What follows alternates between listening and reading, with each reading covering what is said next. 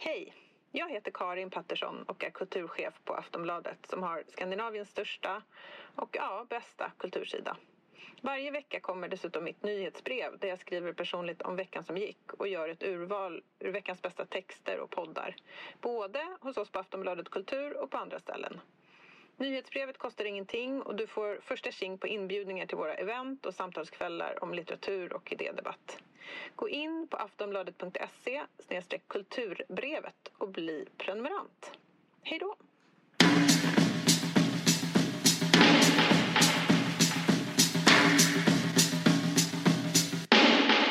Det rullar. Det rullar. Vi rullar. Gud vad det regnar. Regnar det? Ja, regnar inte i Stockholm? Nej. Mm. Här har det varit liksom typ en monsun som har pågått i kanske tre, fyra veckor. Mm. Det är sån liksom gamla testamentet-stämning i Skåne. Vad bra. Att det liksom bara öser ner. Och har gjort mm. på ett helt sjukt sätt. Dag ut och dag in och dag ut och dag in. Det är faktiskt väldigt jobbigt när det regnar så mycket. Ja, alltså verkligen. För att det är svårt att gå. Alltså. Ja, det händer liksom en jättekonstig grej som att jag liksom får in regndroppar i ögonen. Det har liksom inte hänt mig innan. Men att det regnar så mycket så att man får liksom plask, att en regndroppe rakt på liksom sin hornhinna. Så att man liksom eh, får svårt att se och bara... Alltså, väldigt sjukt. Jag, jag förstår, det är något annat. Det är next level regn. Mm. Nog om det. Hur är det med dig 2023? Det är bra, det är mycket bra. Mm. jag är väldigt belamrad, jag är väldigt liksom, eh, har extremt mycket arbete. Extremt många deadlines. Mm. Så jag känner mig liksom som, som jag ligger under en skosula. En jätteskossula som trycker ner mig. Åh oh, gud. Men det är också en mm. kul skosula eller? Eh? Ja, jag känner tacksamhet. Jag känner faktiskt tacksamhet när jag satt och förberedde den här podden. Det här är ändå fint att jag kan få sitta och um, tänka på såna här grejer, tänkte jag. Det är det verkligen. Så det är roligt att det kan vara ens jobb. Jag uh, fortsätter uh, det som jag pratat om hela hösten. Mm. om det här med storytelling mm. versus text och litteratur och att skriva. Mm. Alltså litteratur mm.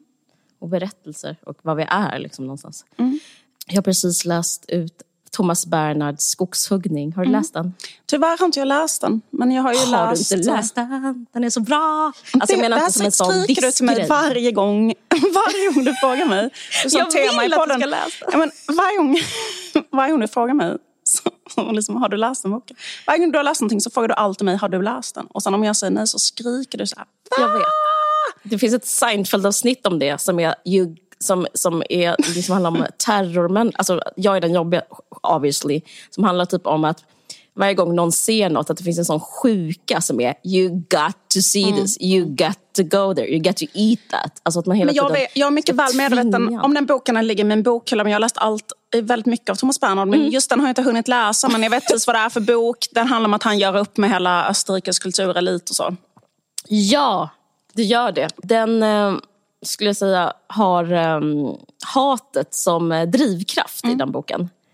Och eh, liksom själva handlingen som jag ger på eh, två meningar är att eh, den här eh, författaren som är 50 plus eh, sitter på en middag i en stol och betraktar ehm, hela Wiens kulturetablissemang Hans vän Joanna har begått självmord eftersom hon är en misslyckad dansös och eh, skådis. Och ett par som han umgicks med för 30 år sedan, eh, det är Hours Burgers. De är liksom ett, ett nav i Österrike och Wien och där, liksom där de kulturella människorna samlas kring. Och när eh, den här författarjaget var i 20-årsåldern så bodde han hos dem i stort sett. Och de var uppe hela natten, drack vin hela natten och pratade om konsten och litteraturen och teatern. Och, ja, du kan tänka dig. Mm. Men så upplever han i boken hur eh, ju mer liksom vuxnare och äldre de har blivit, de här i boken, desto mer korrupta blir de. Och han har tagit avstånd från det här de här människorna. För att det han anklagar dem för som kommer mellan raderna här hela boken är att de eh, har lierat sig med eh, makten kan man säga och eh, borgerligheten istället för att stå på en eh, motsatt sida av den. Alltså boken är så rolig, den är så kul och eh, det, det, jag vet inte vad det är men det är liksom att beskriva någon i negativa ordalag utan att hejda sig är det är liksom någon slags, det är fantastiskt att läsa om hur han beskriver typ en pervers, korrupt kulturmänniska och hur den personen är och hur den personen eh, beter sig. Eh, det är liksom otroligt befriande för att dels är det ovanligt att läsa men också man vet exakt vem, vad det är för typ av människa han menar och att de här människorna finns. Det låter Men svinkul. eh, ja, det är svinkul och hur de är hur de ser ut och vad de säger och hur rädda de är och deras liksom, stress över att ha en middag. Det som händer är att han spatserar på Wiens gator och får se det här paret eh, i, i den här eliten i societet, kultursocieteten och de har en gemensam vän som begått självmord och därför råkar de bjuda honom och han råkar tacka ja. Och han har undvikit dem i 20 år. Och han hatar sig själv för att han har tackat ja. Ja. Och han håller på med det jättemycket. Min, alltså, din dumma jävel, hur fan kunde du tacka ja? Ja, ja. Bara för att någon har begått självmord så tappar du fattningen. Liksom, snap out of it. Sådär. Så han går till den här middagen och han är i liksom upplösningstillstånd. Han är rasande över att han är där. Ja. Han, hat, han har en, liksom en jätterolig passage som handlar om hur mycket han hatar snacks. Eh, han är så här, vad, vem, vilka människor äter snacks? Och så berättar han om, det, det är väl så inspirerande för hur man själv kan skriva, att det är så kul med detaljer. Då berättar han om att, att det är så inne med Japan-snacks. Det är så kul att tänka att de sitter där i Wien. Att det är Japan-mix. Och, och, Ja, och så, så har han en slags Japan-mix som han liksom får panik på. Att det ska vara så coolt att äta. Eh, och så träffar han en före detta vän som själv kallar sig Wiens Virginia Woolf. Och kan liksom, alltså det sprutar liksom rök ur öronen på honom. Det är svinkul. Vilket år kom den här boken ut? I Wien? Alltså, eller i, från början? Ja, eh, den blev bannlyst när den kom. Det är så mycket vet jag. Jag ska fan googla den. Googla det. Jag har typ inte googlat någonting för att jag var så inne i den. Ja, men den kom ut 84. Mm. Den, det är en nyckelroman. Så den blev förbjuden. att um, alltså De stämde honom, de Mm. the, the Auerspires som det handlar om. Alltså de de ehm, sa det här handlar om oss, du Mm. har skrivit om oss, du har skrivit att vi är jättedåliga människor och ehm, du hatar oss. Vad heter det när man vanhedrar, alltså defame? Det är det som är f- eh, virtual Defamation sista trial. det, är, precis. det är det som Black China har mot uh, Kardashians. Mm. Förtal? Ja, men det är förtal. Men defame tycker jag liksom låter mer förståeligt för det är liksom att man tar heder och ära av någon. Ja, anledningen till att jag vill ta upp den här boken det är att den går ju emot hela den här idén om storytelling väldigt mycket. För den går emot eh, plotten, den går emot eh, den här dramaturgiska bågen, den går emot det goda narrativet som eh, vi har pratat rätt mycket om. Eh, men den är så eh, psykotiskt bra. Liksom. Eh, den handlar om... Eh, eh, han sitter där och de väntar på att, att, att middagen får aldrig börja. Det är därför de äter de här Japan-snacksen för att, och dricker champagne. För de väntar på en uppburen skådis från Wiens största teater som är typ den här, eh, det är som Wiens Dramaten har jag förstått det som. Eh, Burg eh, teater. Jag kan inte tyska men antar att det uttalas så. Som satt upp Ibsens Vildanden. Och så är det liksom en stor eh, stjärna där som den här familjen som, har, eh, som håller middagen, eh, The Auersbergers, de eh, hostar den här middagen till, till den här skådisens ära. Och det är väldigt snyggt gjort. För att det är också ett sätt att berätta på att då förstår man hur eh, hela det här eh, kotteriet i Wien är uppbyggt. Att det finns liksom en person som alla fjäskar för och som är mm, typ en it-boy eller it-man eller it-girl. Och sen så, så igår det, och, och tydligen förstår man också att han, den här författaren, var den personen för kanske 20 Mm, år sedan. och att de byter ut olika personer och sätter på piedestaler eh, för att sola sig i någon slags kreddig glans. Alltså typ exakt så som det är idag. Och vissa är inne och andra är ute. Och han, eh, han tar otroligt avstånd för, för hela den idén om em, att det ska vara konstens framåtrörelse. Att liksom det är så det ska gå till.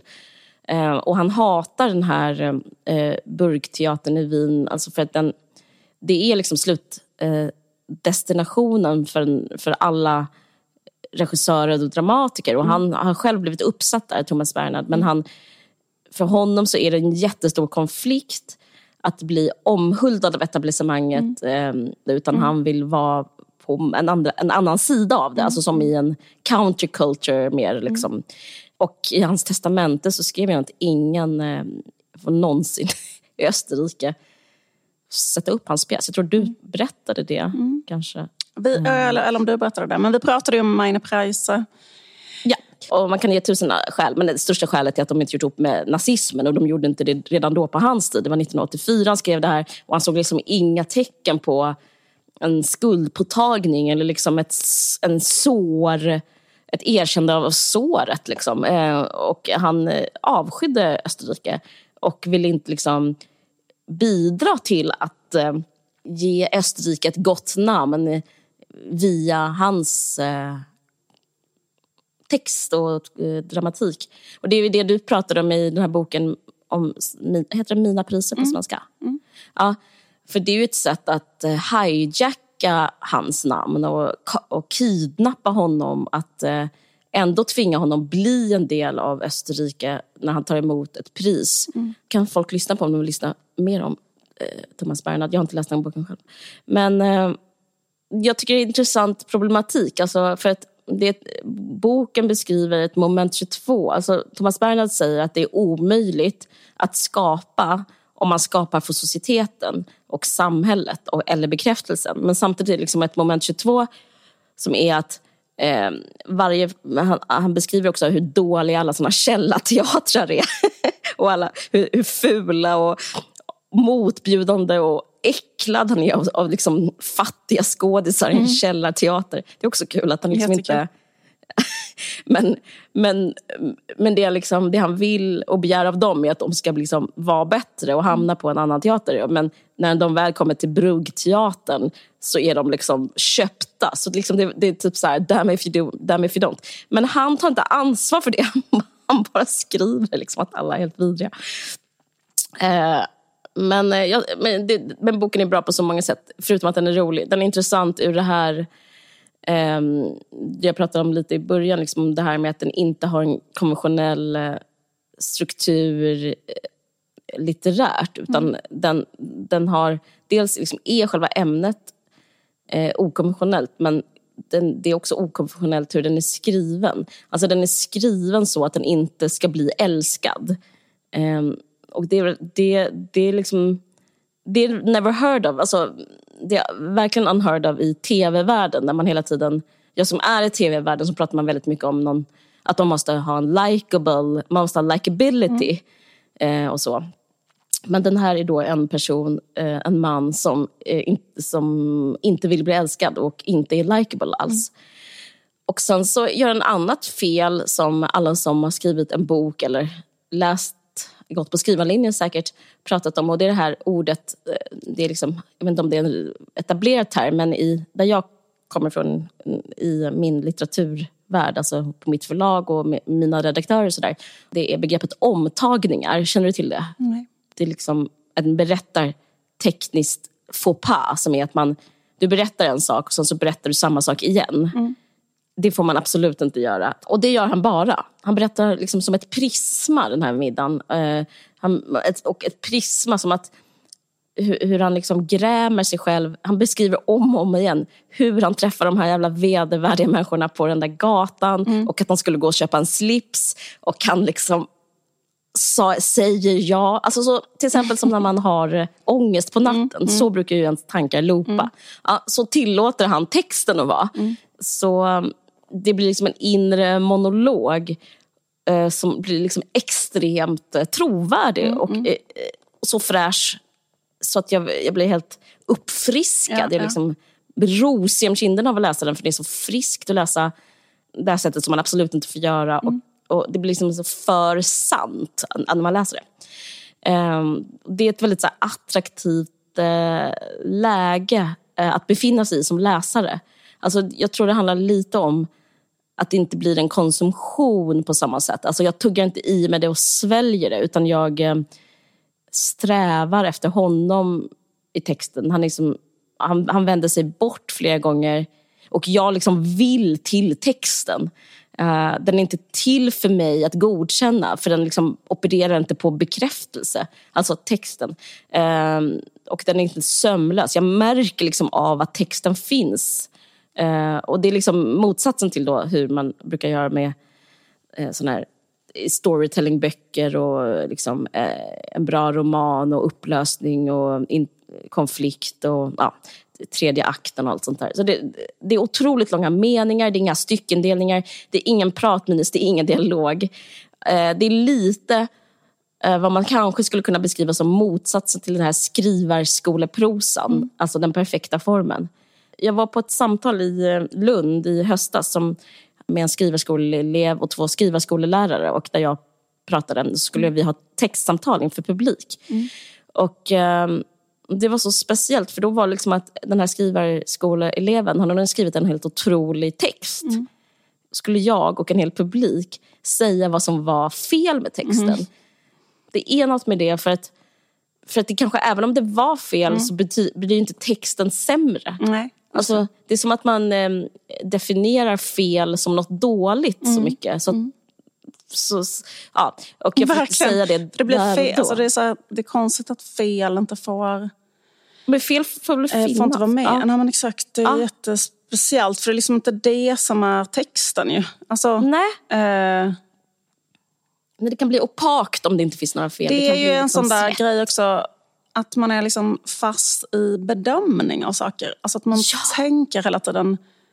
Eh, är det Ja. bra? Är det dåligt? Är det bra? Är det dåligt? Men det finns Ja. liksom någonting annat som är litteratur som inte har att göra med om det är bra eller dåligt. Alltså, fattar du vad jag menar? Som bara har att göra med ehm, Ja. typ älsk, liksom förvandlar det mig? Alltså finns det en transcendens, alltså fattar du, i, som händer när jag är i detta? Eller, liksom så här, alltså jag bara menar att Ja. någonting, liksom, någonting annat liksom, som inte har att göra med, för det är väldigt barnsligt det där, liksom så här, tumme upp och tumme ner. Jag tror det är för att man inte kan säga något annat. Alltså, Ja, det, kan vara ja, så här, det är nästan som att man tror att eh, som läsare kan man kanske till och med vara rätt så oviktig. Man kan bara...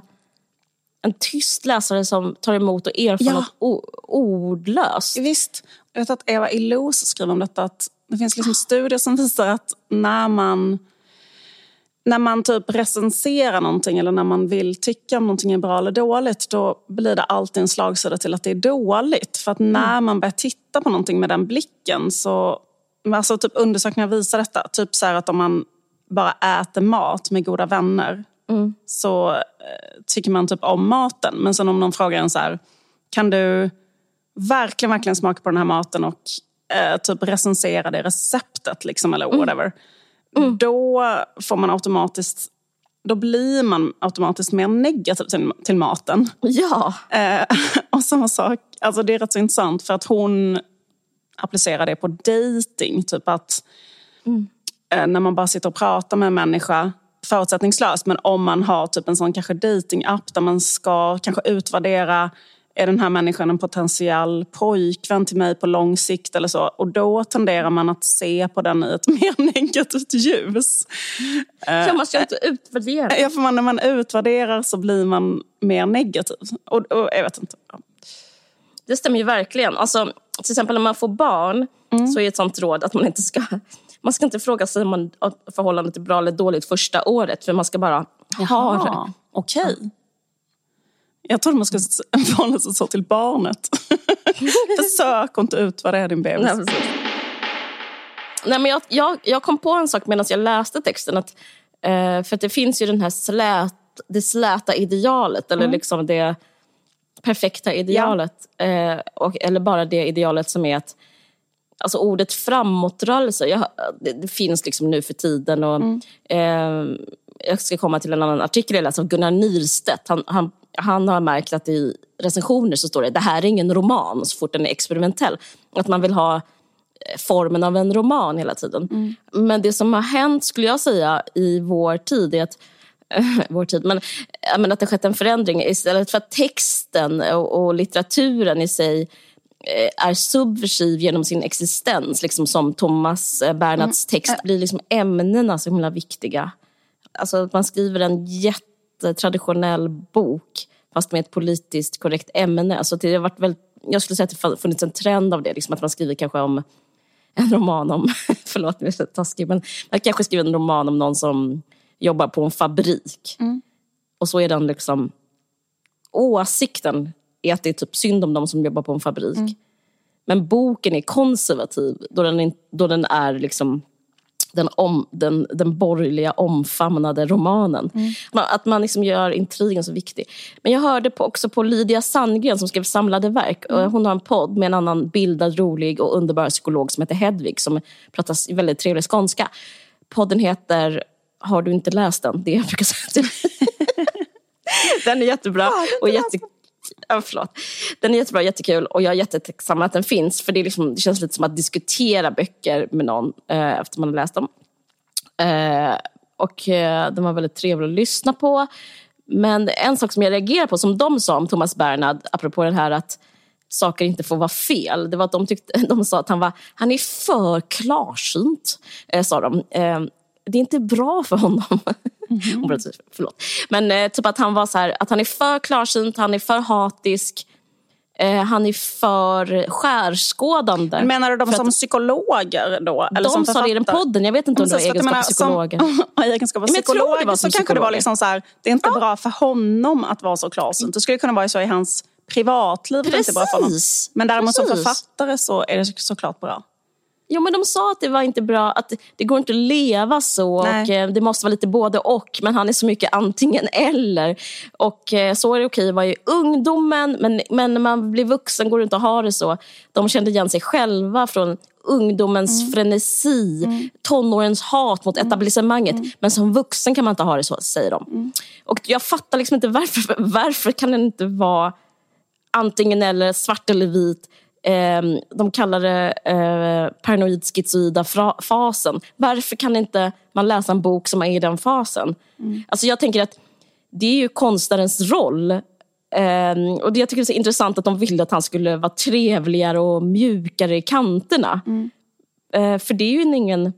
För, det, för jag tycker det de sa representerar liksom det eh, de flesta tycker, eller så kulturkritiken tycker, eller liksom, eh, samhället tycker. Att man vill inte ha eh, man vill ha liksom det nedslipande. Det nedslipade, mm. men, men det betyder inte att det är bättre. Men man vill bara ha det nedslipade.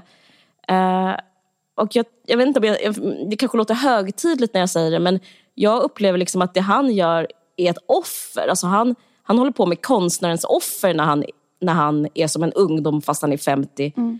Att han orkar säga sanningen mm. fast det är jätte jätteobekvämt mm. för honom som de påpekar. Mm. Det är jättejobbigt att ha ett liv som är mm. fungerande. De pratar om hans, alltså, i relationer kan man inte vara så, sa, sa de. Och allt det stämmer ju. Men, men, han just... hade, men hans relation med sin tant verkar det fungera. verkar gå bra. men jag tycker det är intressant att ha det som, som ett kriterium för, i litteratur. Att så här, eh, vara lite mer nyanserad. Eh, stirra inte sanningen i vitögat. Eh, för det är ju också hans begåvning. Och ja, så undrar jag också, finns det ett egenvärde med att vara behaglig? Alltså är vi där, att, att författare... Varför ska en författare vara behaglig? Jag fattar på riktigt inte det. Det måste ha varit ja. att de pratade om hans privatliv, för annars låter det helt... Nej, men gjorde ja. inte prata om skogshugning. Mm. Ja, men, men jag tycker det, ämnet för boken är på något sätt man säger, att ställa sig på en annan sida eller outsiderskap. Eller, men det är också... Alltså, jag, jag börjar tänka på vad, jag tycker det är intressant att höra dem prata om det. För samtidigt är det kanske inte så futilt att odla outsiderskapet. Eh, jag lyssnade på en intervju med Lars Norén. Mm. En väldigt sexig, han var så sexig som 63-åring. det var 2008. Wow. Eh, så jag blev helt tagen. Eh, det här är när hans första dagbok kommer ut. Mm. Och då får han också den här frågan varför han är emot kultureliten så mycket. Mm. Att inte bli fånget i etablissemang och omed... Jag, jag kan ju ändå inte befria mig från att jag tillhör ett etablissemang. Jag tjänar oerhört bra. Jag får göra de arbeten jag vill göra, till skillnad från så många. Men att se till att jag inte blir representant för dem, det är en daglig kamp. Att inte, att inte plötsligt bli etablissemang utan att vara medveten om det, att vara kritisk mot att man är det. Men är det där din dragning till motståndet kommer ja, in? Ja, det är det. det är det. Och det är tidigt. Det är tidigt psykologiskt. Eh, psykologisk eh, erfarenhet som har gjort att jag inte har tillhört någonting. Jag avskyr det här begreppet outsider-begreppet därför att det är så romantiskt. Och det är inte ett dugg romantiskt att inte vara del av, del av en grupp eller del av en Ja. Men, men det tycker jag, tycker jag är intressant, för där pratar han om att eh, det är, han vill vara mot etablissemanget. Samtidigt så vill han inte romantisera eh, outsiderskapet. Eh, och så berättar han om att liksom, det är eh, att han blev mobbad som barn och det var därför att han, och han alltid upplevt det här outsiderskapet. Mm. Så att liksom, eh, jag tycker det är svårt att liksom eh, navigera i, i, i det här. Eller svårt, men jag tycker ja, det är intressant. Han, eh, han berättar senare i intervjun att, att, att han, eh, han, han vill inte vara utanför utan han vill söka ett hem.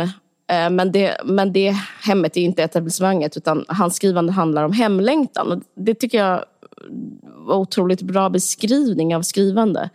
Eh, och, och jag vill inte heller liksom, jag vill inte vara så hård mot alla kulturjournalister. Eh, eller liksom eh, det här paret i boken. Det, det är liksom inte deras fel heller. Nej. Men eh, det är ändå, liksom, det är ändå en, en motsättning. För det kan också liksom bli en förlust. Att om, hans, om, om eh, Thomas Bernhard i boken skulle liksom omfamna den här konstnärsmiddagen med den här eh, skådespelaren från Brugg teater och, och om målet är liksom att sättas upp på den största scenen eller att hamna på DNs boklista, då är det liksom som en förlust med Alltså då blir, I den sekunden blir det också meningslöst att skriva och skapa. Eh, både Thomas Bernhard och Lars Norén försöker beskriva det här. Det, det är rätt så svårbeskrivet, men, men det är intressant att läsa om. Eh, men det är intressant, till exempel, jag tänkte på Sartre som gav tillbaka Nobelpriset. Mm. Att jag har liksom inte riktigt fattat varför han gjorde det. Men jag tror att det är för att han upplevde det nästan som en aggression att ge honom mm, priset. Mm. Mm. För då får, i den sekunden får han inte längre kritisera den... Han får inte kritisera kulturen när han får priset. Och eh, i senaste dagboken pratar också om Lars Norén, alltså på riktigt, inte kokett, utan att han oroar sig för att få Nobelpriset. Mm. För att då så är det över för honom. Mm. Det är liksom ett sätt att döda honom. Mm. Uh, jag känner inte alls så här, jag vill bara säga det. Jag blev jätteglad när jag fick den här Nöjesguidens litteraturpris. Uh, nej men det är också så här, det har öppnat ett, ett Soho House i Stockholm. Jag, jag kom att tänka på det när jag läste Bernhard. Har, har du hört talas om det här Soho nej. House? Vet du vad begrepp eller konceptet är. Nej, jag har hört talas om det... alltså, ordet, eller jag menar, jag vet inte vad det är. Nej. Nej, men det är, jag visste knappt heller. Det, det, typ på 95, 1995 så i Soho i London så skapades en medlemsklubb för typ kreativa själar. Och sen så, så finns liksom överallt, det finns i Köpenhamn, Berlin, Los Angeles, Paris, överallt. Och jag läste på deras hemsida, det är liksom ett ställe där kreativa människor och konstnärer ska samlas. Mm. Och um, på hemsidan står också att man um, att, att, att yngre personer inte behöver betala lika mycket. Det kostar tusentals kronor att vara med. Och, men de vill få in, liksom, dels vill de få in kreativa näringen och, liksom, och ungdomen. Um, så det ska bli som ett eget, ska man säga, organiskt system av uh, kreddighet så att eh, de ska liksom, det ska bli en attraktion där konst och unga, alltså du vet när sånt uppstår eh, organiskt, Ja. så vill de, det vill de göra. Och nu har det öppnat här på Östermalm, i en gammal kyrka i Stockholm. Och jag har liksom tänkt på det här så mycket för att om man tänker liksom själva idén helt ren från vad den är, alltså den teoretiska idén att så här, jag menar att det finns ett, he- ett ställe, ett hem eh, i Stockholm om man är författare så som jag är och manusförfattare och regissör så kan man gå dit och träffa andra liksom kollegor, man kan få sitta och skriva och man kan köpa lite mat, man kan köpa ett glas vin och vara där och verka. Gud vad underbart. Och jag har liksom känt mig utanför för att det de väljer ut vilka som blir medlemmar. Och, men grejen är det som det är, och det här är kanske en tröst mest till mig, att det är liksom en paradox, hela idén är en paradox. Att de ska köpa, man får betala jättemycket, man får bli bedömd av ett etablissemang, etablissemang som ska, och så ska man stå i kö. Och sen ska de säga om man är värdig. Och det är någon slags ekonomisk grupp typ, som, som är bra på fastigheter som ska säga det. Och eh, sen ska man betala jättemycket pengar varje månad. Ehm, men det är också, det, det, är, det är inte författare och konstnärer som är där. Det är liksom reklamare typ. eh, och typ, människor som har pengar. Ehm, det kommer ovanifrån. Det är det som är liksom... Eh, Felet. Alltså, jag, jag, jag, jag, jag, kan- alltså, jag saknar också liksom den där... Alltså det är så ensamt att vara författare och jag skulle verkligen vilja vara med någon som också skrev. Men jag tänkte också på det lite när jag tänkte på det här ämnet. Alltså det är väl också delvis därför du och jag är vänner för att det är så skönt att bara prata med någon som förstår vad man håller på med Ja, lite. visst. Jag läste eh, nu på jullovet Welbecks eh, bok Förinta. Den här nya som kom ut, alltså hans senaste bok. Som, den kom ut för ett år sedan i Frankrike men den kom ut nu. Men den, jag läste inga, inga recensioner. Men jag hörde att många hade tagit upp som en kritik mot boken att den har så här, många lösa trådar. Jag hörde också på radio så var det någon som sa det, liksom att den inte är tillräckligt så här, sammanhållen eh, som narrativ. Eh, att den liksom inte följer de där berättartekniska eh, grejerna. Att så här, om man planterar en... Alltså det, det planteras eh, typ två, tre trådar som inte eh, löses upp liksom alls. Ehm, Ja men precis. men då kändes det som att just att när man fokuserar så mycket på det i en recension. Eller liksom, för, eller liksom, fast det är ju det man ska fokusera på en recension. För det finns nästan bara det att prata om. Det är bara så här, ah, hur, var den, hur var den uppbyggd? Bara så här, Oj, men, eh, när jag tänker på saken så, så fanns ingen upplösning på de här trådarna. Typ, eller whatever. Och, så, och så menar de på att det känns slarvigt gjord och sådär. Mm. Ehm, men... eh, Alltså den kan vara dålig, men det är intressant att det är just det som gör den dålig. Eller Ja, men precis. För att det är liksom så här, bara för att den är inte så... den är inte uppbyggd så här som ett... Um, alltså, det låg eh, klossar på eh, ett klosstorn som inte hade någon annan kloss på sig. Typ. Alltså, det är liksom lite så man... eh, Och så blir man liksom irriterad när man ser det Ja. klosstornet. Liksom. Men är det eh, en bok? Alltså, är det en roman? Ehm, Nej. Eller det kanske är, det kan vara det också, men Ja, det men är konstigt absolut, om det men jag andra menar, är- inte är det. Liksom. Ja, ja men precis. Att, att, det- att, det kanske liksom, att det blir sånt enormt... För, för, och det tycker jag också, så här, för det är nästan det lättaste med att skriva en bok. Alltså det är ju så här, typ att, I say. alltså typ att, eh, att ha så här...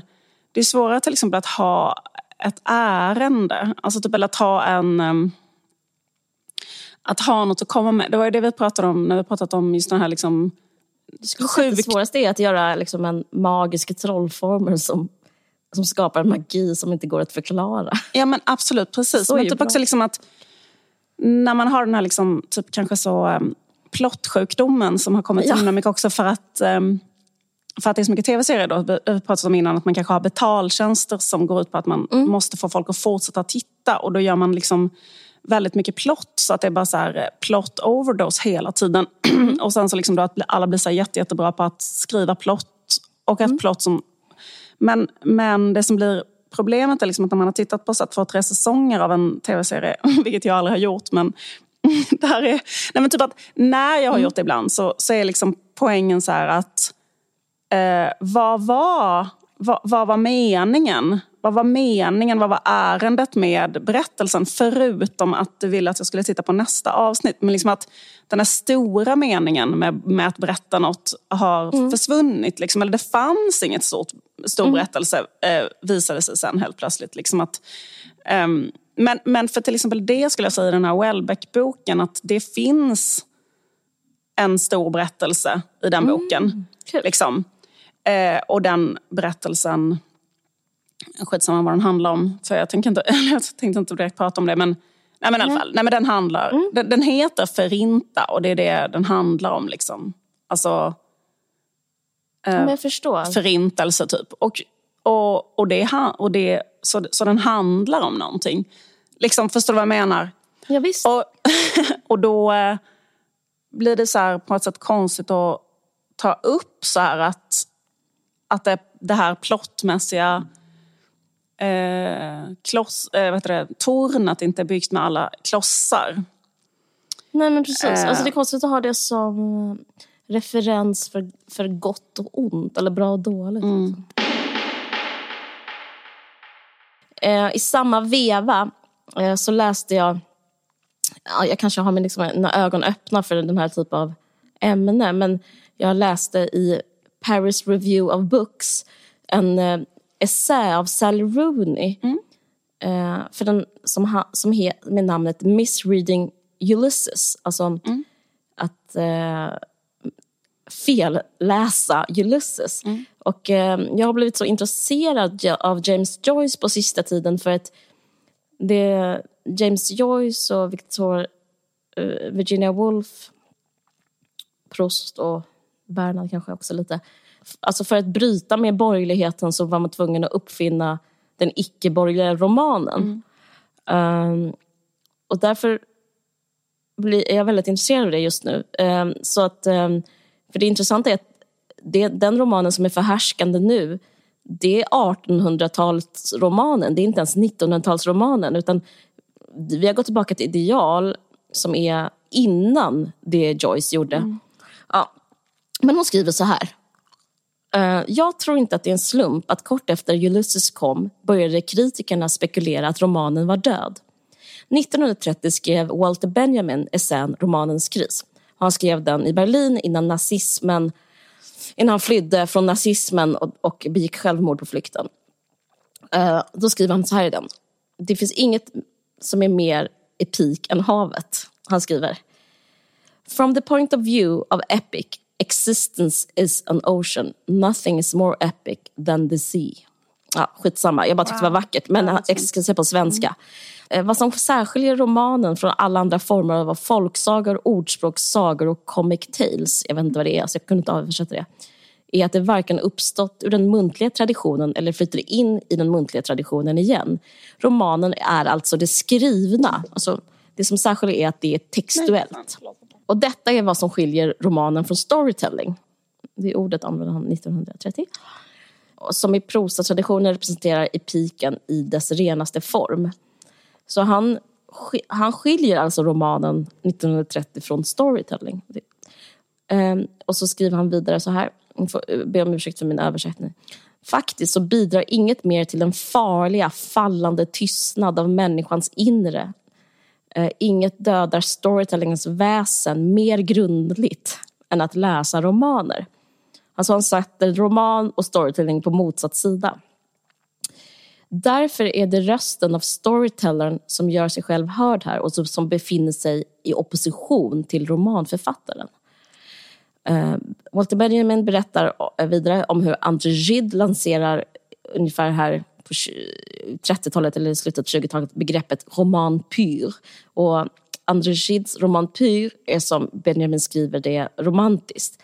Och Benjamin berättar att eh, det här begreppet roman pur syftar till pure interiority, alltså att inte erkänna det exteriöra. Alltså det är motsatsen till plott skulle man kunna säga. Mm. Det finns ingenting exteriört. Um, den inre monologen antar jag att han menar eh, och därför blir Ulysses så intressant. Och, eh, och med den boken så gör han ju om hela romankonsten. Han sätter punkt för epiken.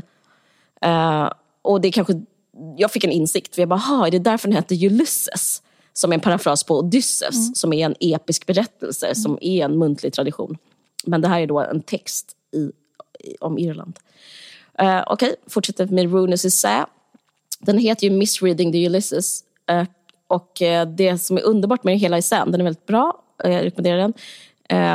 Det är att hon, hon argumenterar för att man får använda Ulysses som författare till sin egen fördel. Alltså man får göra precis vad man vill med den för att den är så konstig och den är så älskad.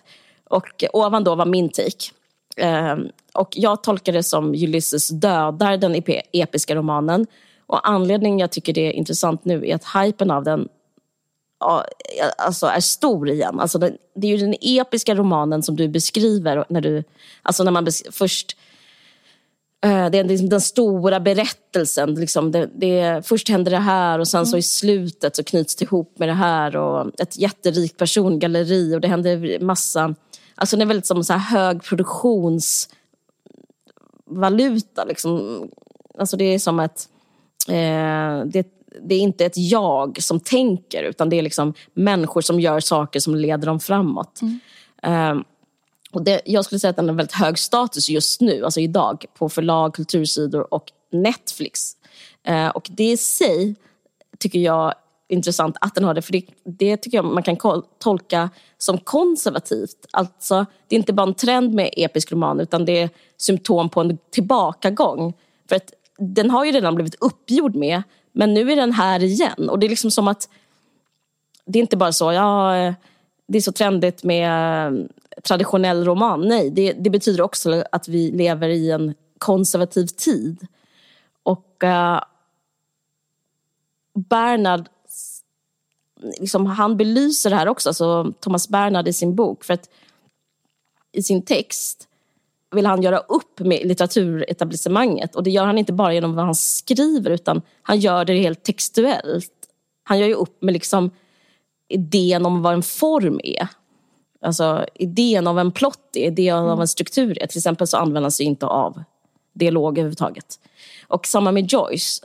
Och, och, och för dem är den här storytelling-formen, det är liksom en form av makt. Och Det är att hålla med makten, att fortsätta med den borgerliga romanen. Och det är att hålla med det här sällskapet som vill hålla sig väl med den stadsteatern och eh, liksom det som är eliten. Ja. Så, ja, det, ja, det, men, så det finns liksom en konservatism det finns en liksom konservativ allians med marknadskrafterna i att önska tillbaka den episka berättelsen. Det vet vi ju med Netflix och allt sådär. Men, men det också, finns också liksom en... Det betyder något annat också. Det betyder att inte vilja ha moderniteten, att inte vilja ställa sig mm, på motsatt sida. Och, eh, i DN Kultur kanske du läste den här artikeln av, av förläggaren Gunnar Nyrstedt. Han skriver om det här. Läste du den? Nej, Den heter, jag har inte eh, inlogg. den rubriken var Handelsvaran, berättelsen har segrat över litteraturen. Han skrev det i DN Kultur. Och han ifrågasätter det upplottade, den formella romanen. Han menar på att det finns en tendens hos kulturjournalister som säger att säga att böckerna de recenserar inte är riktiga romaner. Liksom att brottet mot det traditionella i sig blir ett kriterium för rätt eller fel. Det, alltså det är ju rätt om man är konservativ, om man har en konservativ liksom ärende så, så stämmer ju det. Men, men jag, jag tycker inte... Ja, skitsamma. Nystedt skriver så här. En bok som glider mellan genrer är ingen riktig roman. Han är ironisk här. Lyrisk, essayist- essayistisk. Om den är det så är det ingen riktig roman. En riktig roman bör hållas inom stängda fixerade ramar. Ja, det här är en kritisk mot.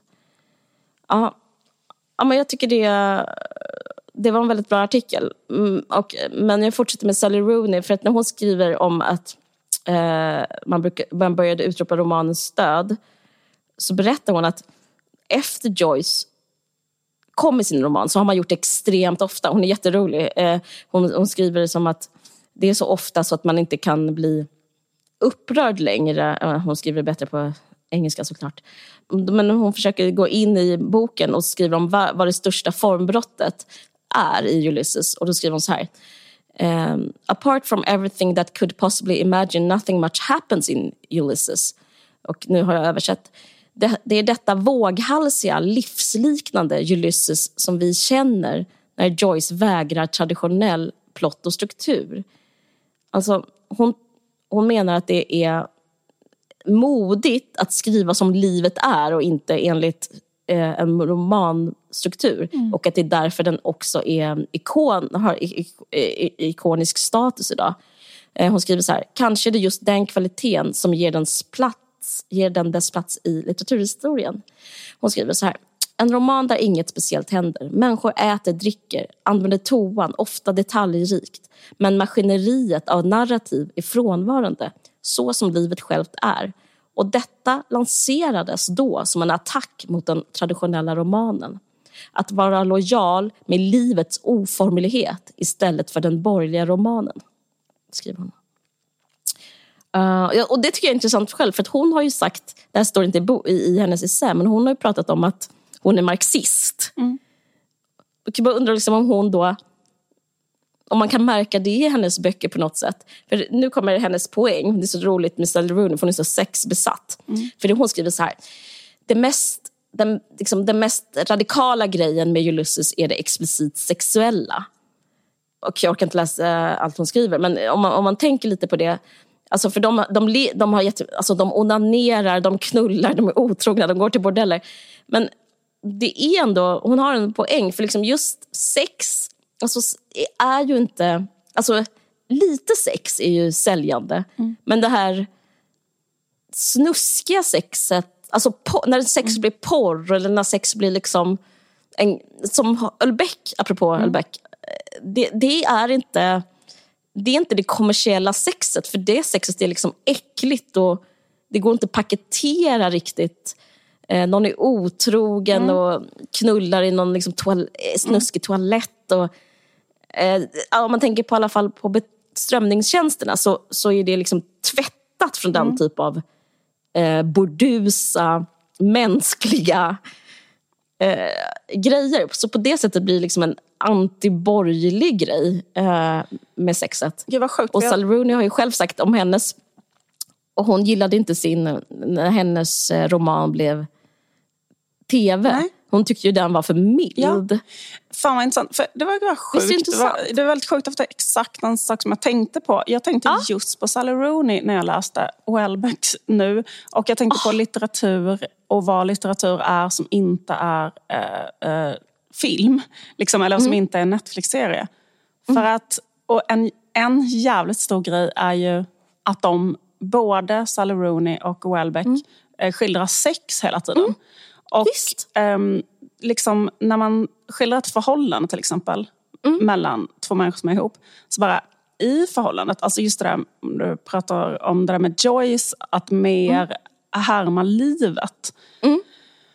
Att liksom i ett förhållande, så liksom, i en film så, eller liksom en tv-serie så skulle man ju liksom antyda att ett par hade legat med varandra vid något tillfälle Eh, så filmar man typ när de går upp kanske igen och klär på sig mm. kläderna eller något sånt där. Eller man, liksom, man, man, man förstår ja. att det är det som händer. Men både... Och ju mer konstnärligt desto mer sex. Typ lite som pianot av Jane Campion så ser man ändå precis, men Harvey Keitels kuk. Är, ja precis men det är aldrig Ja, det är inte, skildrat, det är inte för, det, för det är ju förbjudet. Eller man kan inte skildra sex så. Liksom att, typ att eh, de hade sex så här, det började med att hon sög av honom. Sen efter ja. det så ja. gjorde han det här, sen gjorde hon det här. För så är ju Sally Rooney's böcker eh, ex, eh, eh, exakt beskrivet. Så här, vad, vad, är det som händer steg för steg?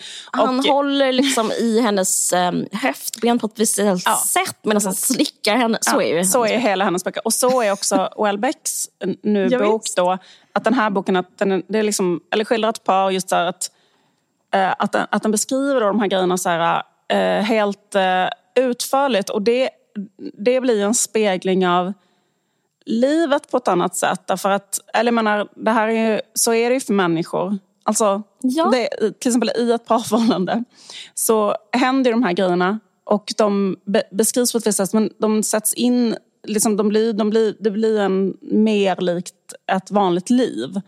Eh, Men det är också när det hela tiden är beskrivet. Jag tycker det är spännande. För att- Netflix kan ju inte köpa Nej, in exakt. en Ölbeck-filmatisering. Nej, men precis. Det För att, går inte. eh, nej, exakt. Eller det går ju inte att filma det och ha med de här grejerna. Nej, så exakt. pass... ehm, och, och det är inte heller för att, för att visa sexar på eh, gra, eh, grafisk film. Det är ju pornografi. Men pornografi Mm. Visst. är inte litteratur heller. För där beskrivs ju inte... Nej. Det är liksom inte en... eh, Ett, Det är inte eh, en fiktionaliserad värld. Nej, exakt. Och, och det är inte liksom berättelsen eller människornas känslor och intentioner och historia och relation till varandra och så vidare är inte viktig. Men Mm. Nej, alla de bitarna är ju med i de här romanerna. Att det handlar om så här, vilka är människorna?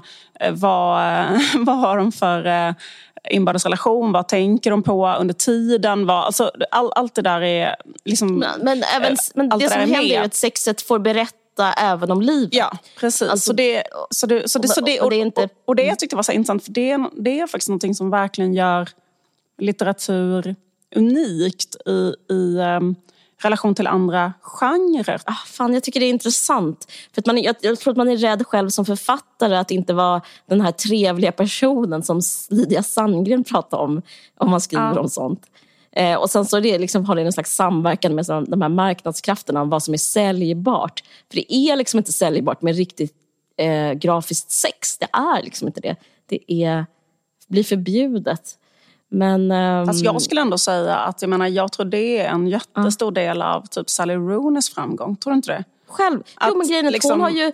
Hon har ju, jag skulle inte säga hon- att det är marxistiskt av Nej. henne. Det är där hennes marxist kommer in. Att hon skriver om sex för det är antiborgerligt enligt henne.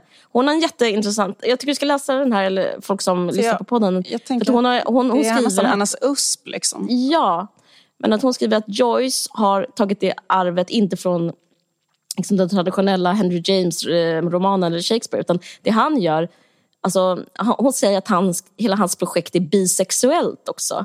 Och att det han gör är att att eh, tar eh, stafettpinnen från Jane Austen. För att det, det enda Jane, hon beskriver Jane Austen som en erotisk... Alltså typ att det bara är den erotiska... Det finns ingen struktur, det finns inget narrativ. Det finns bara erotik hos Jane Austen. Det är allt som liksom... eh, Det driver ifrån. Det driver bara från att jag måste typ ligga med den där killen. Eh, och att det finns... ehm, eh, att det liksom finns någon slags subversivt i det. James Joyce har tagit över det och Sally Rooney har nu tagit över det. Hon, det är väldigt... Um, för, för då ställer, hon skriver liksom, man ställer sig utanför hela samhället, man ställer sig utanför liksom hela all struktur. Man bryr sig bara om det mest mänskliga, det som är livet. Alltså, och det är då sex. Jag tycker det är kul. Och det går inte att översätta till tv och film för då så blir det liksom, får man inte, an, eh, man får inte reklamspottar i det. Nej, just det. Precis. Det börjar ju, det en annan bok som jag läste.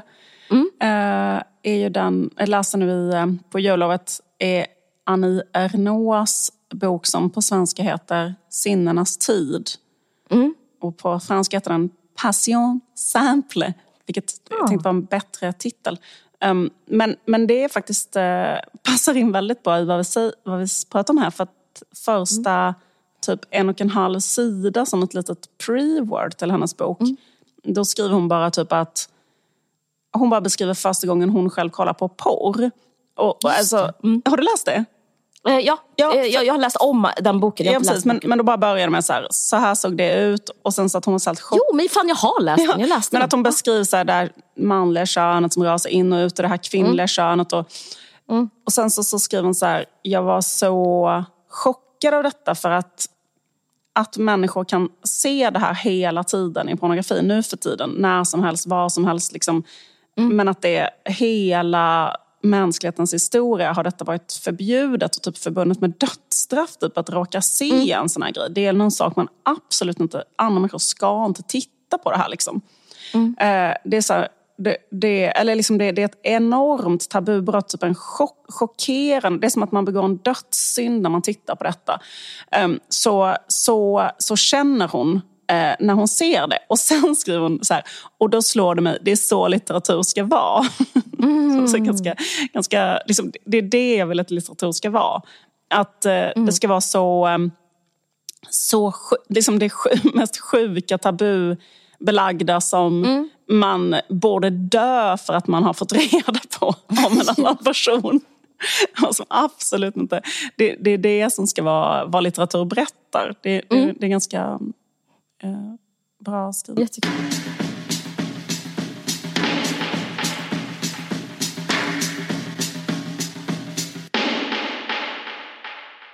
Nu när vi spelar in är det måndag så jag såg precis eh, Prince Harrys eh, intervju med, som heter Harry the Interview om hans nya bok som heter eh, Spare, eller The Spare. Spare. Spare, spare. Eh, och ehm, nu så när det här släpps på fredag så kommer det ha varit eh, 49 000 olika takes och loopar på det här. Men ehm, jag Och här tänkte, kommer det in. precis, min kommer då nu att kännas så jävla liksom ointressant efter att alla människor har haft sina takes på detta. Men, men Jag jag, tror inte så många har takes på de här. Jag tror har de inte? Det känns som Nej. att det som människor har extrem mängd takes. Eller okej, men det kanske inte är så. Nej, men jag, tänkte, jag tyckte din take var så kul för att jag såg din take i, På Instagram. på Instagram som var jättekul. Som var att du skrev om... eh, För det här som eh, kommer fram, eller det han liksom blottar i den här boken är då att han har så en syskonkonflikt med William. Ja. Och då skrev du, är det här syskonens metoo? Alltså att folk ska börja berätta om så här, sina liksom dåliga syskonrelationer. Ja. Men eh, jag kände så liksom att eh, det är verkligen en uppförsbacke. Alltså det är så mycket med dem som känns som en PR-mässig uppförsbacke. Mm. Och, eh, eller det känns som att eh, hela deras projekt... ehm, jag vet inte, det är liksom som att det här är det sista. Det här, det här tycker jag att, de, att han börjar fokusera på deras syskonkonflikt. Tycker jag liksom den sista liksom, typ dåliga PR-beslutet på något sätt. som kommer från en slags stab. Att de har liksom redan så här, två gigantiska problem eh, som är liksom två så här, paradoxer på något sätt i hela deras ärende. Den första paradoxen är självklart att de klagar så fruktansvärt mycket på att de eh, blir eh, uppmärksammade och omskrivna av media och att de bara vill liksom vara i fred och ha ett privatliv samtidigt som de hela tiden pratar och berättar eh, liksom mer och mer och mer och mer sinnessjuka detaljer om att förfrysa sin penis och hur man förlorar oskulden. Alltså liksom så, samtidigt som de hela tiden säger att varför är, finns det media om oss? så det blir liksom helt tokigt liksom. Jag tänkte på det för vad man alltid brukar säga om stalkers. För de upplever ju, när jag tittar på deras eh, dok dokumentärserie så pratar de hela tiden om att eh, brittiska pressen förföljer dem. Eh, men just när man är stalkad, eh, stalkad, jag vet inte hur man uttalar det. Jag har aldrig förstått det. Trodde jag. Då, så är det all, då är det första, eh, det första mm, liksom rådet är ju då att man aldrig någonsin på något sätt ska så, ta kontakt. Eller man ska aldrig svara, man ska aldrig erkänna den här personen. För liksom vad man än säger, om man skriver ett brev som är så här, snälla sluta förfölja mig. Då uppmuntrar man. Hon är kär. Precis. Eller typ vad man än gör för eh, interaktion. Ja, men precis. Är- Då, då tar stalker det som att ja. det verkar gå framåt i alla fall. Ja, men visst. Alltså, vad man får, och, och får man pytt, eller som att bara att ge minsta lilla information eller ge en bit. Och, så någon borde säga till dem, eller såklart att, att om man inte vill ha någon medial uppmärksamhet så måste man börja med att själv liksom hålla käften. Men de, de, de gör ju helt tvärtom då.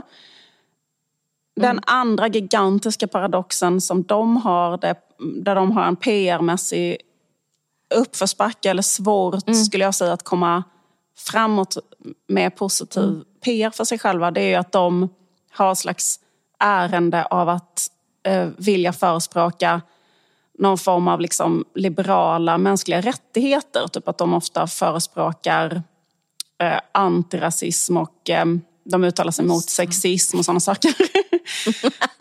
Samtidigt som de själva då Eh, för liksom grunden i antirasism och feminism och så är ju att eh, en, en, liksom en liberal människosyn som går ut på att man inte tycker att människor ska liksom bedömas eh, eh, olika på grund av Just. bakgrund.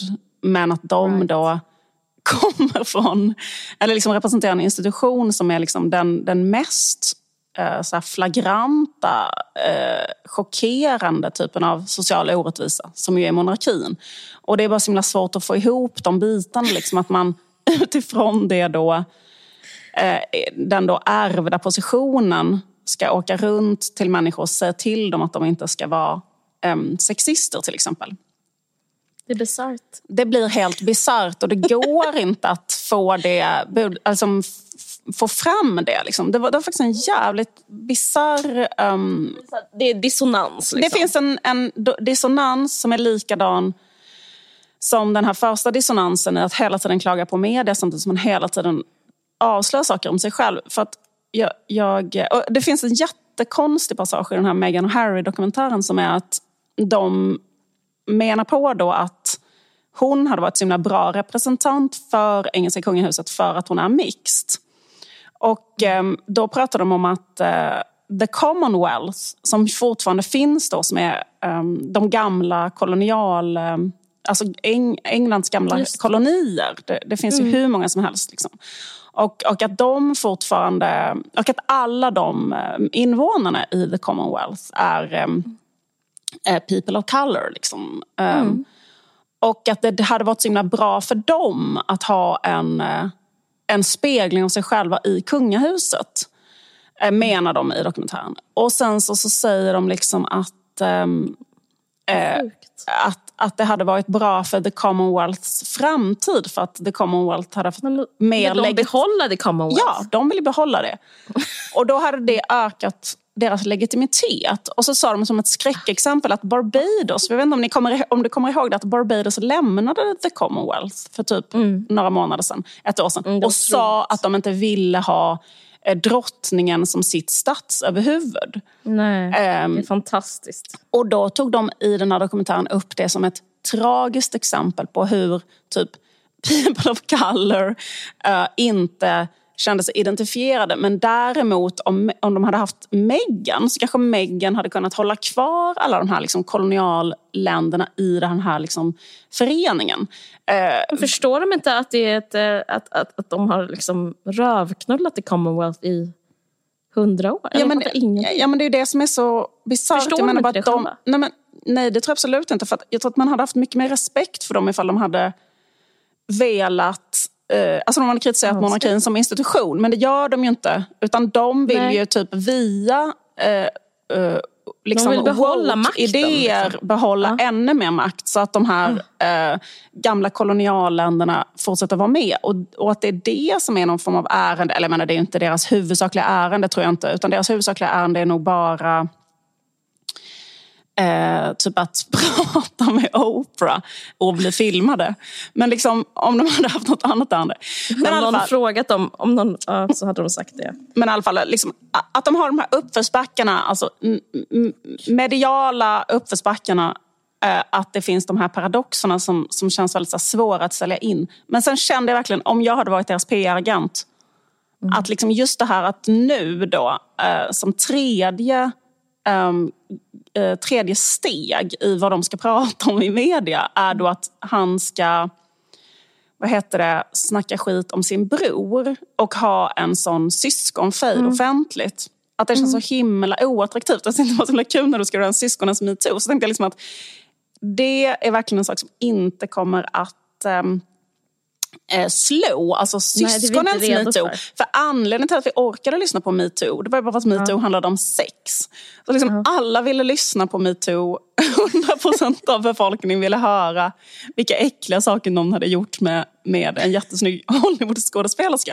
Alltså jag menar, det skapade ett oändligt intresse. Det intresset finns inte om folk skulle börja berätta om sina såna dåliga julaftnar. Nej, men också att det är så om inget- för vanligt. Ska det inte innehålla en, typ, en lite grafisk berättelse om ett sexuellt övergrepp så kommer inte jag att lyssna. Nej men, så då, nej, men förlåt, men alltså, jag vill inte vara cynisk. Nej, då är det inte my revolution. It's not my... nej men exakt, men för att... Om det inte är något Nej, men exakt. Men jag, jag tänkte på det, för att syskonfejder är verkligen nästan det värsta. Alltså, dels, det finns en... Det Vad finns heter det där när man, någon har dött? Det måste vara det värsta. Bouppdelningsfejder. det måste vara det värsta som finns. Gud vad kul! Bodelningsfejder är det värsta, men efter det så ska jag säga bara en sån Syskon. vanlig infekterad syskonfejd. Mm, Där liksom båda har typ så... Eh, eh, jag, jag tänker på det här programmet Grannfejden som leddes av Robert Aschberg. Det var ett program där han gick omkring så på landet med sådana människor som har så här 25 år långa fejder. Eh, som handlar om att ehm, kanske någon har satt sitt staket en meter åt fel håll eh, på 70-talet. Åh. Eh, och sen har de liksom sen dess samlat på sig bevis för bevis för bevis liksom på båda sidor. Och fastnat i en sån eh, total liksom, konspirationsteori. Och en... Eh, en, en eh, nej men liksom du vet att, att människor som då liksom... vi- Det, det, det är väldigt, väldigt lätt hänt. Alltså jag ska säga att det, det, är, det är det allt pekar på att man själv... Nej men menar, det, om man inte aktar sig så hamnar man jättelätt i såna här grejer. Ja, Alltså, verkligen. Men det är liksom ett... eh, det ett aktiva valet är att inte... det liksom- aktiva valet, det, man, livet är ett minfält där man ska försöka att inte gå in i så här grannfejder med alla. Men det är väldigt lätt hänt. För det, på något sätt så är det det som, som hjärnan på något sätt vill. Alltså så hitta Mm. samband på att eh, först hände det och sen hände det och sen sa du det och sen så blir man så sårad och sen finns det liksom Mm. och, och, och det är väldigt, väldigt, väldigt, väldigt, väldigt, väldigt tråkigt som innehåll, alltså som content. Ja. Ehm, och eh, man vill Nej, inte det höra, just för det tänkte på hans med, med, med syskon är också att alla varit med om det. Så att liksom Ja. det är så redan avdramatiserat själv. Det finns inget sensationellt i någonting som är ens rikt... Alltså, alla, är- vet, alla vet att det, det är en så. barndom. Det är Alltså, en barndom, förlåt. det är också en familj. Alltså, Det är att ha ett liv. det är att bara vara född av någon och sen ha Det är så svårt liksom. genetiska kopplingar till någon är att ha så här olika... Det är att någon slår till en, Ja. lappar till en. Exakt. Och har eh, såriga, eh, konfliktande narrativ och är trötta Ja. på varandra. Men, men grejen också att det finns inget... Samtidigt så finns det liksom på något sätt det som hela vår... Eh, liksom vad som alla värderingar i alla typ kulturer har gemensamt är att det man måste försöka att inte liksom, attackera sin bror. Alltså det, det, det bara är så. Och liksom så här, även om alla impulser går åt det hållet så är det liksom det Ja, man säljer inte ut sin brorsa. Nej, men det är vad den första berättelsen i Bibeln handlar om. Att Kain dödade Abel och det var fel. Så det finns liksom inget... Det finns liksom, jag tror inte det finns någonting i liksom sånt allmänmänskligt, mm, vad ska man säga, vad man vill höra är inte att någon så här, ja, jag och min bror hade en eh, olöslig konflikt som aldrig löste sig. Det finns ingen som vill, alltså det blir, ingen blir berörd, ingen blir varm i hjärtat av den berättelsen. Nej. Ingen blir... Nej, nej, nej. Det, det, är inte en, det är inte ett Sommar i P1 vi vill höra. En lång, lång uppräkning av all oförrätt som, eh, som någon har gjort mot mig i min familj, eh, eh, mellan syskon. Man kan tänka sig, tror jag, att lyssna på att oförrätter som en förälder har gjort. Eh, och, och där kan det vara Det lite... är för, men det är för oromantiskt. Alltså jag skrev det Det också på min Insta att, att det är för lite omerta. Alltså det är för lite heder. Man måste ha liksom en hederskultur. Det romantiska inslaget med hederskultur måste få finnas i just mellan bröder. Annars Mm. blir det liksom för torftigt. Det blir liksom bara som ett långt, långt, långt, långt, långt avsnitt av grannfejden. Ah. Där någon sitter liksom och ältar så här minimala oförrätter som man bygger upp och bygger upp och, och kopplar ihop. Och, du vet så här. Och, och, eh, och, och jag, bara, jag bara menar att som content så, så känns det som ett felsteg. För att jag tycker att den Fast det funkar ju som content. Alltså det är ändå som att man ändå man gaspar ju av det. Visst, visst gör man det, men samtidigt så undrar jag om inte det sänker deras varumärke. För jag tror ändå det är det de vill, ha ett högt varumärke. Och det tror jag att de hade haft ifall de hade bara för jag tycker det här är en mycket bättre historia. Det här att hon blev förtryckt av kungahuset och sa fuck you till dem och bröt sig loss och liksom, du vet så här, liksom lite så här frihet. Då får man ju lite så här, det är ju som en sån... eh, lite man är på underdogens sida. Ja, det är mer på underdogens sida och lite mer sådär liksom att någon, någon reser sig från sina bojor och eh, säger fuck you och skapar ett eget liv och hittar sin egen röst och blir fri och sådär. Liksom, det, det tycker jag skulle vara bättre att fokusera på det än att liksom nu älta vidare de här liksom sakerna utifrån perspektivet att han är... um, Jag vet inte. Det, det, det, är, det är svårt... Eller, jag, vet inte, jag har bara svårt att se för, för hur de... Fast å andra jag kanske har fel. För att jag... Också, de är också kanske väldigt älskade. Det är bara liksom... Jag tror att jag har fel. Alltså jag, är helt, jag är helt övertygad om att, och, och kanske du också. Jag vet inte om du har fel, men jag, jag känner väldigt starkt att när jag... För det är liksom som att det som skulle kunna hända är att det är liksom någon slags det, det sista förtrycket som görs upp med. Alltså jag vet inte. Alltså, ja, alltså det, är liksom, det är kanske någonting i det. Och så är man typ för stel för att liksom öppna upp för det. Alltså, ja, det skulle kunna vara så. Alltså det skulle verkligen kunna vara så tror jag. Men, men en, en, som... Menar du då ehm, liksom yngre och äldre bror förtrycket? Alltså, eller syskon? Ja. Alltså typ att är det äldre syskonet... eh, Jag fick faktiskt in, in en sån fråga Och någonting med till... machismo och kulturen. Så roligt för Diamant Salihu svarade på min post. Mm. och han skrev till mig att han tyckte liksom, ja, men att det här är liksom typiskt machismo-ideal. Mm. Alltså i, i kungahuset också. Och att, vad heter, jag vet inte vem som är vem av dem. Vad heter han den rödhåriga som är ihop med Meghan? Harry. Harry. Det Harry gör är liksom att, gö- göra, att bryta just där hedern och omertan. Liksom. Okej. Och att det är, eh, det, det är ju liksom anti... Alltså det kanske är subversivt för det är liksom anti-machismo. Ja, men, precis. men, men det tror jag att nästan alla, eller liksom det, det tror jag att jättemånga tycker, speciellt typ i USA. Jag så, tyckte liksom. ju inte det. Jag Nej. tyckte ju att jag inte orkar Nej, men precis, exakt. Men jag känner också så då som dig att jag Men- absolut ja, jag inte orkar höra det och att jag inte vill höra det. Men grejen är att jag pratar mer om det utifrån, för jag upplever så här, för att han pratar väldigt mycket om att här, säga sanningen och så, men alltihop känns ju väldigt mycket som ett narrativ på något sätt ändå. Alltså hur Mm. olika saker, eller, ja, saker är och sådär. Men att Mm. det är liksom ett narrativet, alltså som content så kände jag bara Mm. själv att jag kan inte se det här, eller jag, jag, jag bara tror, eller det, känns inte som ett liksom likeable content. Alltså typ som att någon skulle ägna sin dag i Stjärnorna på slottet och att bara prata om en sån infekterad syskonrelation ur sitt eget perspektiv och hur alla gånger man har känt sig illa behandlad av sitt syskon. Det känns liksom som Nej, så fast bara, det har något. Alltså jag kan ändå, I en del av mig så är det något kittlande. Men då får det väl vara... vet, du varför jag tror att det, varför jag känner o, liksom, det känns mycket mer otydligt som koncept att liksom ha syskonens metoo. För att Ja. liksom, syskonrelationerna är mer som havet om man säger så. Alltså, jag menar, I metoo hade vi ändå ehm, att det fanns ett um, könsmaktsperspektiv och att det- liksom, det handlade om, ofta om chef och anställd och sådana saker. Mm. Liksom.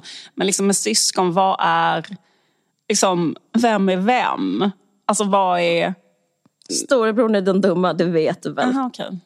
Ja, du menar att det handlar om småsyskons... eh, Ja. Jag är helt övertygad om att liksom de här eh, i den här familjen, alltså i grundfamiljen är de eh, förmodligen de eh, alltså mest så här, psykologiskt inkompetenta personerna på Globen. Alltså jag menar att de är iskalla psykopater slash helt sjuka i huvudet och antagligen har varit helt sinnes... Jag menar, kan du tänka hur alltså, prins Charles varit mot Harry när han var liten? Alltså jag menar att har inte han bara varit hans mm, uppfostrad av nannies och sen så blev hans mamma eh, dog hon och då blev han bara skickad till en boarding school. Och sen han, han, han sen bara var han i Afghanistan och mördade folk. Så han, han har väl haft en helt fruktansvärd liksom, eh, uppväxt antagligen. Men, Ja. eller det måste, så måste det ju vara. Och sen att de liksom, så fort han mår dåligt eller vill säga något om sin prinstitel så bara kattar de honom off helt iskallt. Och han har ingen security och han får inga pengar. Och liksom de, jag menar, det, så är det säkert.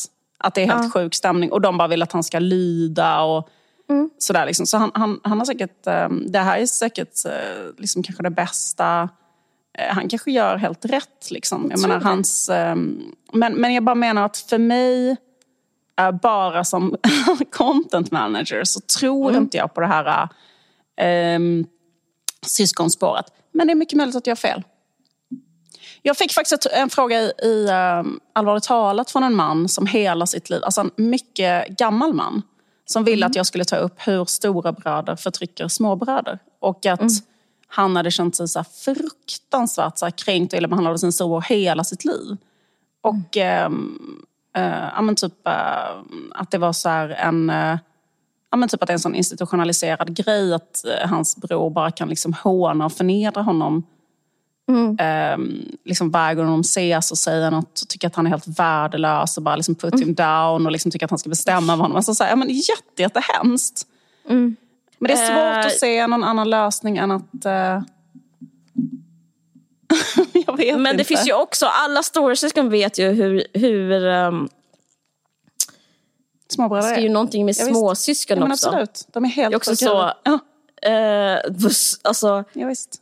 alltså, de tar sig själva på sånt stort allvar. Det är bara vi mellanbarn som kan se balanserat Ja. på det här. För vi vet hur sjuka båda de rollerna Vi vet hur stor, hur stora Ja. syskon är och hur, hur eh, små syskonen är. Ja, visst. Och hur de, eh, Men det här kanske är vilka mellan- primadonnor vi har att göra med. Absolut. Men det här kanske är mellanbarnets eh, blick som vi har på det här. För att vi bara känner så här, ja ja, det är klart att, eller liksom så här, det är klart att det är du, helt you sinnessjukt. do ditt lillebror-skit. Ja, visst. vi, typ, we, are, we have all seen it. Ja, Liksom. visst, visst, vi har. Mm. fått så många utspel och det är så många som ska lyssna. Och Vi kan starta mellanbarnens metoo. det är så, men vet du vad det är? Det är liksom, mellanbarnet betyder att ingen lyssnar. Nej. är det något man mindre vill lyssna på än bara syskonens metoo så är det så här mellanbarnens metoo. Hur vi så här, Och då får vi liksom återuppleva hela vår barndom av att ingen lyssnar då heller. Ah, ja. Enda Ja, sättet ja. att få uppmärksamhet som mellanbarn är att vara smooth. Och inte liksom ställa till för stora problem. För det är då man blir mest älskad. Visst. Ehm, Att inte vara besvärlig. exakt, precis. Det, det memot fick inte Harry. Därför kan man bli väldigt provocerad som mellanbarn av folk som är Ja, men det, på med det här jag menar. Jag Så tror det kanske- du och jag, Ja, det är det. jag försöker vara är det självkritisk det. fast i vi-form. Jag tror du och jag, vi skulle liksom inte ta den här nej. platsen om man ska helt ärlig. Nej, nej. Vet att jag reagerade så, jag tänkte på mig själv för att jag gick till läkaren häromdagen och jag gör aldrig det. Jag, har inte, Nej. jag har nog aldrig varit hos en läkare. Nej. Men då kände jag hela tiden så här, fy fan vad sjukt att jag tar upp den här platsen. Alltså varför tar jag den här personens tid i 10-20 minuter? Alltså att jag känner så jätteofta. Men jag om det, kan det Ja. vara ett mellanmansgrej? det här ska vara hashtag absolut. mellanbarnens metoo. att känna att man hela tiden... Så känner jag med massage ju. Jag undrar hur det är för henne och sånt där. Det är jättestressigt för mig att gå på massage på grund av det. Så jätte, det känns som jättefel att så här, Få att, något. Att, att ha så eget fokus. Men sen är också ens eget yrke ett symptom på att man har varit mellanbarn. För nästan alla måste ju ha, alltså man har ju en sån, eh, man har ju ändå antagligen någon form av sån eh, otillfredsställd eh, rampljusgrej. Det är ju så. Ja, Podden är ju, undrar om man kan göra en undersökning om. Mellanbarn som poddar. det kan man och det ska vi. Nej men gud Nej, men. Nu känner jag faktiskt att jag fick en psykologisk insikt i varför jag eh, känner aggressioner mot eh, både liksom Mm. Det är för att William och han gör det du... De gör det du inte får. Mm. Gud vad kul. Mm, bra. Okej, intressant. Mm. Ja, det, där kom mina aggressioner fram också. Men jag hade det på känn. Det var, det var mig det var fel på. Okej.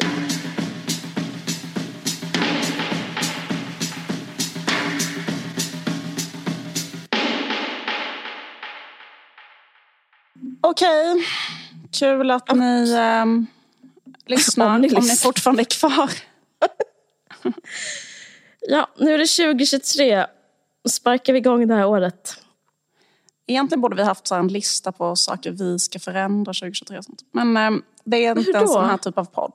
Nej, men jag lyssnade på Jag Wahlgren. älskar att höra sånt. Ja, men jag vet. Jag lyssnade på Wahlgren och Wistam som jag aldrig har lyssnat på innan. Men jag- det är bara för att den skulle handla om Pernillas frieri. Och så var jag bara intresserad av det. Ja. Och då, eh, och då berättade, vad heter hon? Sofia Wistam. eh, på vad hon skulle förändra med sig själv 2023.